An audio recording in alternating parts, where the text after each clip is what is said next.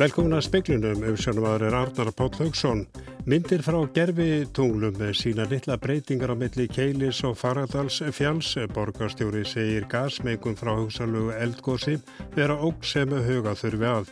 Þó að óróapúls mælist í lengur á skjáltarsvæðin á Reykjaneskaga er skjáltar hinnan enn nokkuð kröftug. Danmörk og Austuríki og Ísrael ætla að stopna sjóð til að vinna saman að rannsóknum á bóluefnum gegn COVID-19 og fjárfæsti í verksmiðjum til að auka framleyslunan. Hætt er á að aukin umræðum alþjóðlega skipulaða glæpahópa íti undir fordóma gagvart innflytjendum. Þetta segir afbrótafræðingur sem fagnar því að umræðan veri til þess að fjársveldu laurugla fái viðbótar fjármagn. Þó að Órópúls sem mælist ekki lengur á Reykjaneskaga er skjáltarhinnan í fullum gangi. Skjáltarnin í dag hafa þó ekki verið mjög kröftugir.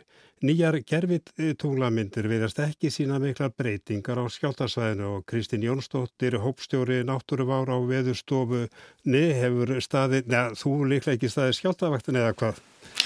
Það er, hérna, við erum alltaf vinnaði þessu saman og, og ég er sérstaklega hópstjóri hérna náttúruvarsefenga sem eru í vaktavinnu og ég er svona, er þarna á kantinum til að aðstofa. En hvað getur við sagt um stöðun í dag? Já, skjáltanir hafi ekki verið mjög kröftuðir.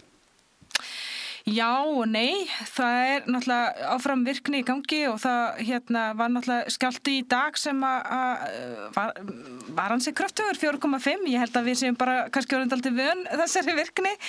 Þannig að auðvitað með að við kannski síðustu daga þá hérna, var þetta kannski ekki mikið en, en, en hérna, þetta er ennþá í gangi. Um, þessi hraða hérna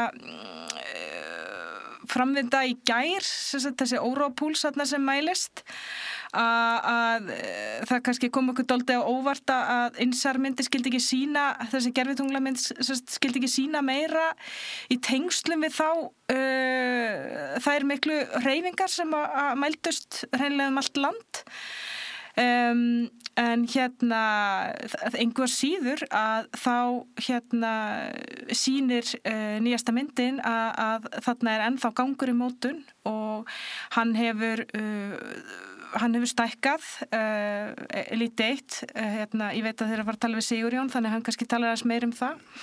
En bara um, það að, að órói mælist ekki. Já, hvað þýðir það í raun og veru?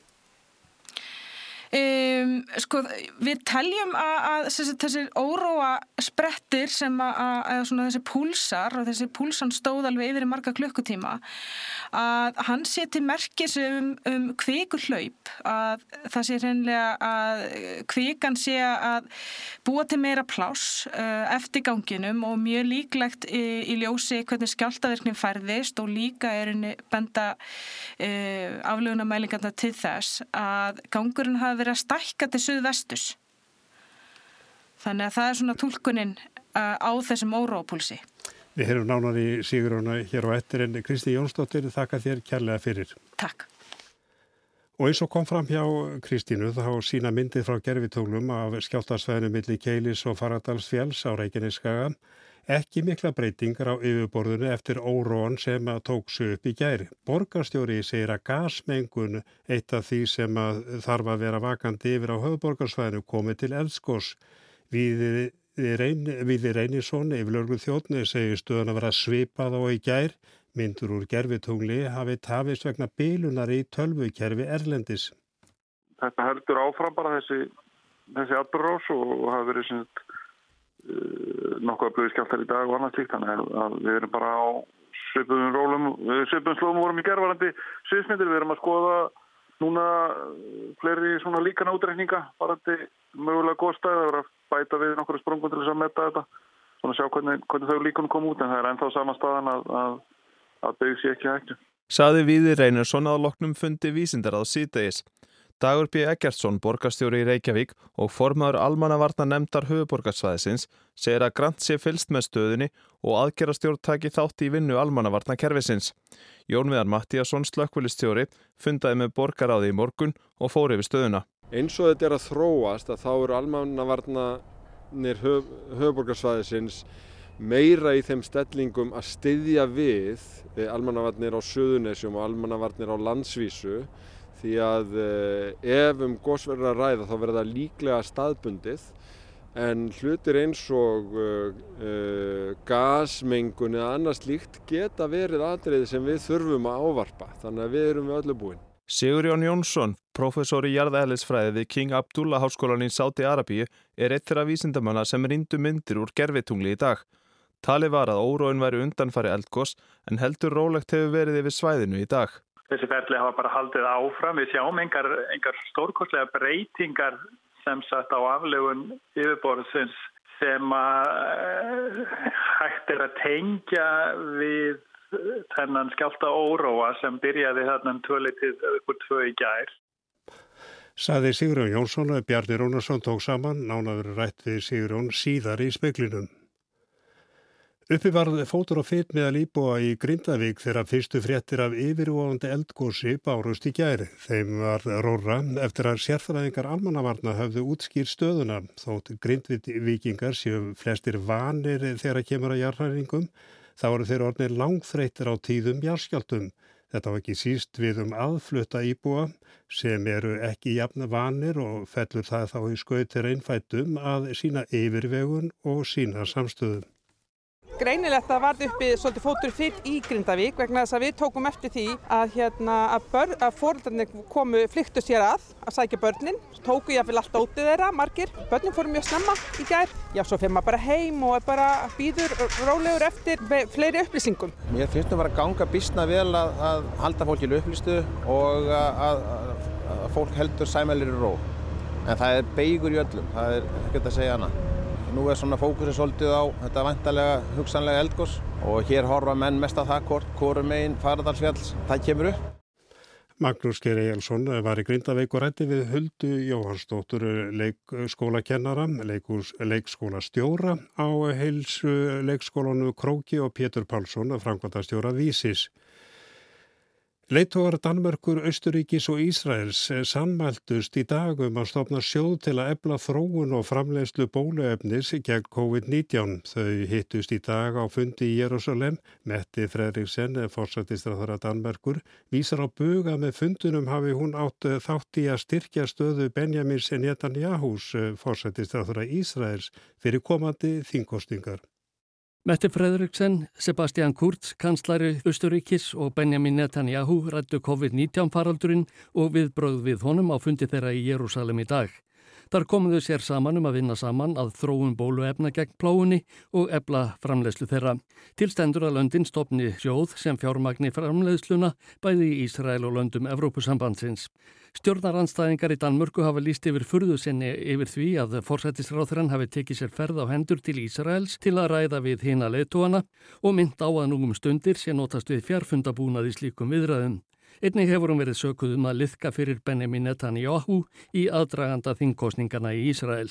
Á fundi með dönskum frettamönnum undir kvöldi í Jérúsalem vísaði Mette Fredriksson því á bug að vera aðstóða Netanyahu í kostningabaróttunni. Ísraels menn sagði hún að veru heimsmeistarar í bólusetningum og hún vildi að Danir innu saman með þeim bestu til að efla áttakið heima fyrir. Ísrael er verdensmester í vacciner, í að rulle vaccinerne ud. Jeg ønsker også, at Danmark skal være i absolut topklasse i håndtering af covid-19. Det er vi i øvrigt på en, på en række områder, men, men det, at der er valgkamp i et land, kan jo ikke gøre, at Danmark ikke kan samarbejde med det land. Mette Frederiksen sagði ljósta að Danir þyrtu að láta bólusetja sig gegn veirunni á hverju ári í framtíðinni. Því var í leikilatriði að þeir eruðu ekki á eftir í baróttunni. Samkominlegið í dag var í liður í að bæta stöðu landsmanna í þeirri baróttu. Áskir Tómasson saði frá. Samband sveitarfélag hefur óskað eftir fundi með velferðarnemnd alþingis til að ræða rekstur hjúkurunaheimila. Frangvandastjóri sambandsins segir ótakt að sveitarfélag borgi með þessum rekstri. Rekstur hjúkrunarheimila hefur verið til umfjöllunar í velferðarnemnd og á fundi hennar hafa mætt fulltrúa þeirra sveitafélaga sem sagt hafa upp samningum við ríkið um reksturinn en einnig fulltrúar helbreyðisráðunni til sinns og sjúkratrygginga. En okkur finnst vant að að sambandi komið þarna að vegna þess að við erum að gæta hagsmuna allra sveitafélag með öll hjúgrunarheimili. Segir Karl Björnsson, framkvæmdastjóri sambands íslenskra sveitafélaga. Þá segir að nöðsilegt að fá staðfestingu á því hvort rétt sé að á fundi velferðarnemdar 1. mars hafi verið fullirt að sveitarfélagi notuðu fjármagn sem ætla væri til rekstur sjúgrunarheimila í óskildan rekstur. Það er bara ekki rétt og ég hef bara aldrei sér neinar upplýsingar sem gefa það til kynna að svo sé en ef að einhver getur sínt okkur upplýsingar um það þá eru það mjög frólægt og kannski getur, getur fengið slíkar upplýsingar á nefndafundi. Karl segist ekki vita til þess að fleiri sveitafélag heiki skila rekstri hjúkurnaheimila aftur til ríkisins en það gangi ekki að þau þurfi að borga með þessum rekstri. Þetta var hægt að leysa þetta bara með því að hækka daggjöldinu og horfast í augu við það að það kostar meira að reka þessi heimili heldur en að tekjunar duga fyrir og það þarf ríkið að leiða þetta og við erum að reyna að kalla eftir því. Þetta var Karl Björnsson, Ágúst Ólásson talaði við hann. Margreti Valdimarsdóttir ábrótafræðingur og lektor við Háskólan á Akureyri segir að Íslensk lauruglam hafi verið fjársvelt of lengi og fagnar því ef umræðum skipulaða alþjóðlega glæpastasemi hér á landi verði til þess að hún fái auki fjármagn. Ef að það þarf til einhvers konar umræðu um, um skipulaða brotastarsemi sem hefur tengsl við útlönd til þess að lauruglan, íslenska lauruglan fái auki fjármagn þá held ég að það sé rosalega gott vegna þess að hún þarða. Hún hefur bara verið fjársveld of lengi. Ég er ekki að segja það að þetta sé ekki raunverulegt, að það sé ekki raunverulegt að hér sé meiri skipulað, skipulað brotastarsemi sem hafi hérna, sem sé fjölþjóðleg heldur en áður var. Ég er bara að segja að það í sjálfu sér ætti ekki að koma okkur á óvart vegna þess að Íslandi bara gjör breytt land. Þetta var Margreði Valdimarsdóttur og nána verið að tala við hana síðar í speklunum. Þetta er frekar lífleg þróun í jarðhræringum á Reykjaneskagan en ekki mjög hröð, segir Sigur Jón Jónsson, jarðeðlisfæðingu við King Abdullah háskólan í Sáti Arabíum. Það verði breytingar á nokkura klukkustundafresti sem þarf að rýna í og reyna að skilja. Sigurjón er eittir af vísindamanna sem skoðar gerfitungla myndir af landinu og var nýkomin á fjarfundi með vísindaráði almannavarna þegar speillin er náðið tala honum í dag og spurð út í stöðuna. Þetta er eitthvað að halda áfram sko, hefur nú aðeins róast eins og kannski hefur komið fram en hérna þessi opnun sem við áttum okkur á í kjölfar gagna sem bárust á mándagsmorgun. Hún verðist hafa haldið áfram nokkuð stöðugt svona frá, frá mánudeginum og hefur líklega byrjað eitthvað áður. Það bárust eins og ný gögn í dag sem að gerur tunglega gögn. Uh, tunglið flög yfir í, í gerðkvöldi og, og það tók nú reyndar freka langan tíma að fá gögnin. Yfirleitt eh, te tekur þetta nú minni tíma en það voru vandamál hjá í tölvikerfi Evrósku geimvísindastofnurinnarinnar í, í senti gerðkvöldi og í morgun að þeirra aðal hérna ofurtölva sem vinnur frum vinnur gögnin, hún lág niður í, það var ótrúlega óheffileg tímasetning fyrir okkur sem að viðum í ofæni eftir, eftir nýjum gögnum Það var svo, því var kipt í liðin í dag og, og gögnin bárust og, og við vorum rauninni ný bara búin að fá þessar myndir fyrir hérna fundin, vísindarraðsfundin í núna áðan og svona rétt aðeins var hann að skoða þetta en þar vistist nokkuð ljóst að, að þessi ferli hafa bara haldið áfram. Við sjáum engar, engar stórkostlega breytingar sem sagt á aflegun yfirborðsins sem að hægt er að tengja við þennan skjálta óróa sem byrjaði þarna um tvölitið upp úr tvö í gær. Þannig að um, við vorum svolítið hættið það en, en eh, GPS-mæla sem eru þarna á svæðinu gef okkur nú tíðari upplýsingar um hvað er að gerast heldur en þessi gerfitunglegögn. Gerfitunglegögn á móti fær okkur nánari mynd stöðufæslu því þar er og skannar yfir all landið hvernig aflöfunin lítur út. Já. Og það sem við sjáum í þessar nýju ratamynd er bara er að þarna er opnun, áframhaldandi opnun og skjálta þessi stöðar skjáltavirkni sem hefur haldið áfram síð, núna bara síðustu daga er samfarað þessari opnun og þetta er svona á miðjú sína þarna í þessu Fagradalsfjalli. Þi, þið sjáu það, þetta er í, í Fagradalsfjallinu? Já, og við sjáum ekki miklar breytingar frá í þessari ratamind, þá reyndar eftir að vinna þetta aðeins betur, þetta er bara svo nýkomið. En við sjáum ekki mikla breytingar í ratamindinu núna frá því á mánudagin nema þetta staðis, þetta hefur vaksið þetta, þessi opnun hefur aukist. Hún hefur ekki fæst mikið til. Hún hefur ekki, hefur ekki gengið langt til norðausturs, ekki langt til söðvestur, kannski öllítið til söðvesturs inn, inn á fjallið og við sjáum ekki merkjum að þetta sé eitthvað að grinnast eða sé eitthvað að koma nær yfirborði en sem komið er. Vitiði hvar, já, kvikan, hversu langt hún er frá yfirborðinu? Já, sko, það þarf aðeins að passa sig á þessum líkanreikningum, sko, að, að þeir eh, gefa ekki alveg nákvæma mynd af því sem er að gera ef við öll þessi líkun sem verður að nota eru rauninni einföldun á, á flóknum jarðlaga stapla sem er allavega hérna með alls konar hraunlög og sprungur í þess og kruss. Þannig að þegar við notum svona einföld líkun til þess að reyna að líka eftir því sem við sjáum þá, þá þarf maður aðeins að passa sig sko. En uh, það okkur svona þessi, líka, þessi líkaregningar er að sína að þetta er á, á nokkura kílometra dýpi. Mm. en samt ekki miklu kannski tekja 3 kílometra dýpi þannig undir, undir fagdagsfjalli Þú ert ekki að aflýsa eldgósi, þú ert heldur ekki að lýsa því yfir að það sé væntanlegt, svona hvernig, hvernig líst þér á þetta? Nei, sko, ég er sem ekki alveg, þetta er stór hópur sem að kemur að þessu að, að skoða þetta á margi þættir, fólk sko, hefur sín sérsvið og, og við hér erum kannski mest að skoða þessa aflögun sem að gefur okkur þessa stöðu uppfæslur, sko, gáltamælingarnar og óróamælingarnar og þessar samfældu GPS-mælingar gefa meiri rauntíma upplýsingar.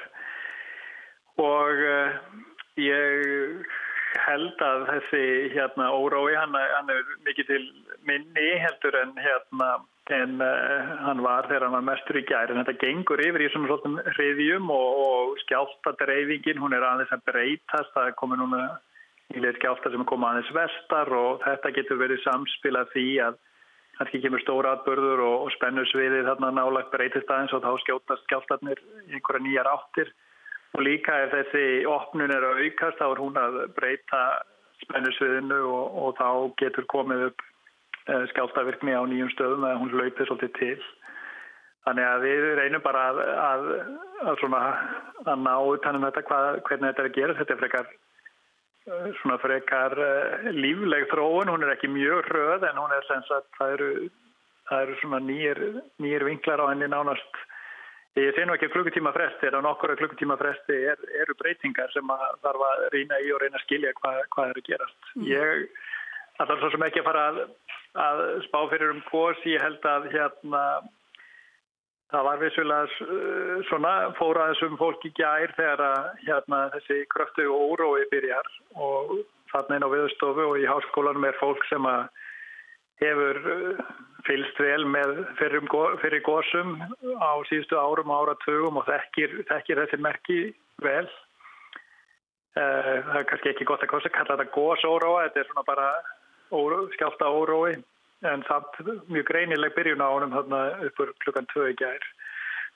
Og þetta er eh, svona frekar glögglegt merkja þarna eru, er kvika að brjóta sig leið í einhverju átt um, annarkvort til híðana eða, eða eitthvað aðeins upp á við eða hvort vekja og því að þess vegna þarf að fylgja svo nákvæmlega með þessu hvað, hvað þarf að gerast það er ekkit endilega líklegt að þessi kvika sem nú er að reyfast og hún finnir sér leið upp á yfirborðið. Okkur sínist kannski ekki endilega að vera mikil þristingur uh, svona á þessu kerfi. Þetta er meira að togna og kannski kvikan svolítið að svara því að landið hefur verið að tegjast þarna í sundur og, og rauninni Já, hvað getur maður sagt? Búa, búa til smá plás til að, til að efni getur farið eitthvað upp á við, ekkit endilega allavega upp á yfirborð.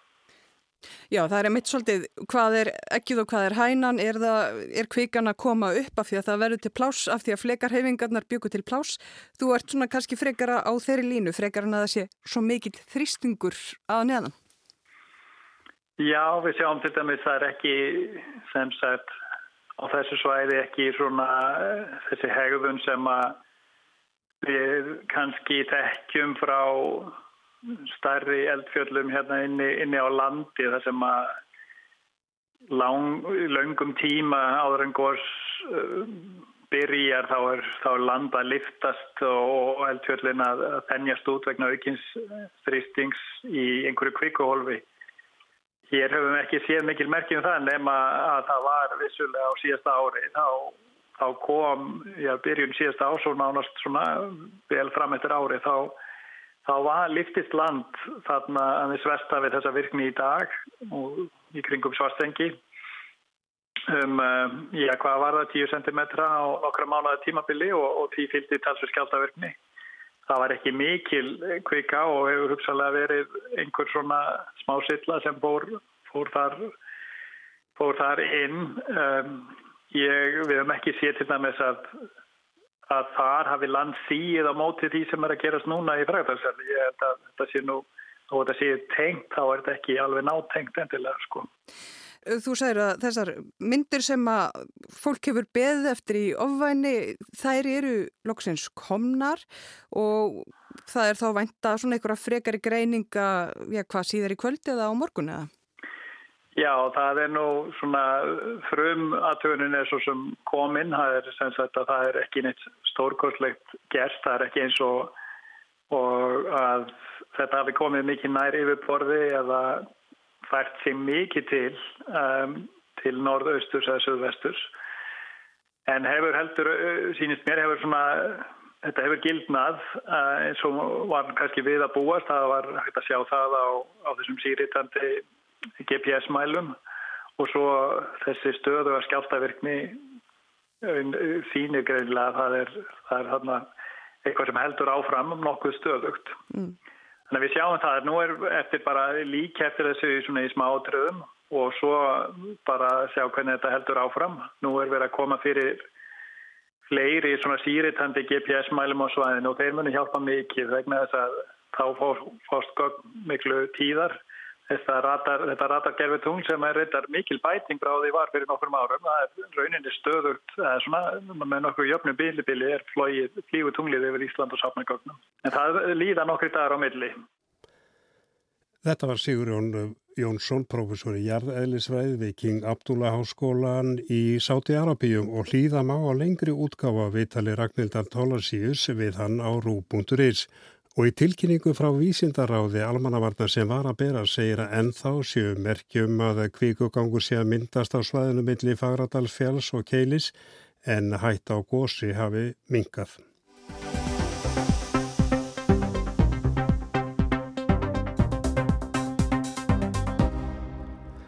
Margrét Valdimarsdóttir, ábrótafræðingur og lektor við Háskólan og Akureyri, segir að Íslensk löðrugla hafi verið fjársvelt of lengi og fagnar því ef umræðum skipulaða alþjóðlega glæparstarfsemi hér á landi verið til þess að hún fái auki fjármágn.